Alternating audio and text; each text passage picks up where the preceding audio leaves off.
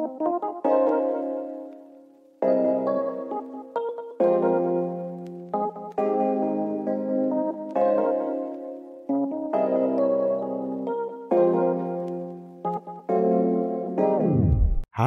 selamat pagi, siang, sore, dan malam.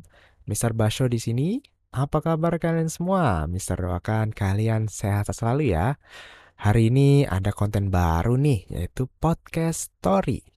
Nah, pada konten podcast story ini, Mister akan bercerita tentang legenda, kisah, ataupun dongeng yang akan dibawakan di konten podcast story ini.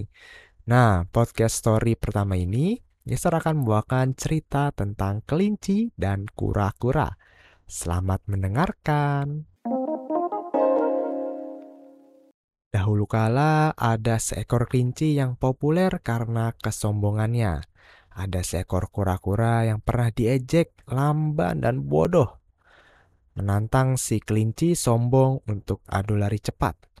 Sebenarnya kura-kura tak mau berurusan dengan kelinci tapi ia ingin memberinya sedikit pelajaran. Dengan penuh percaya diri, kelinci menyetujui tantangan kura-kura tersebut. Ia berpikir, mana mungkin kura-kura yang berjalan super lambat itu bisa mengalahkannya.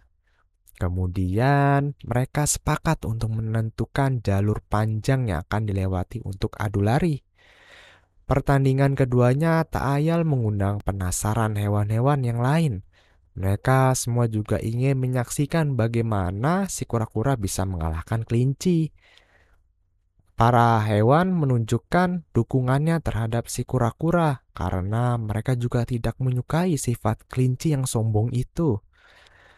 Seekor kera ditunjuk sebagai wasit untuk mengawasi jalannya pertandingan tersebut. Saat perlombaan baru saja dimulai, kelinci pun melesat jauh meninggalkan kura-kura Tak ingin menyerah begitu saja, kura-kura tetap berusaha sekuat tenaga dan menambah kecepatan larinya.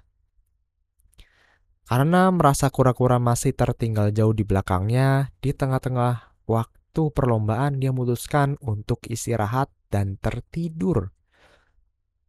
Namun saat terbangun, kelinci sungguh kaget karena ternyata kura-kura telah sampai di garis finish.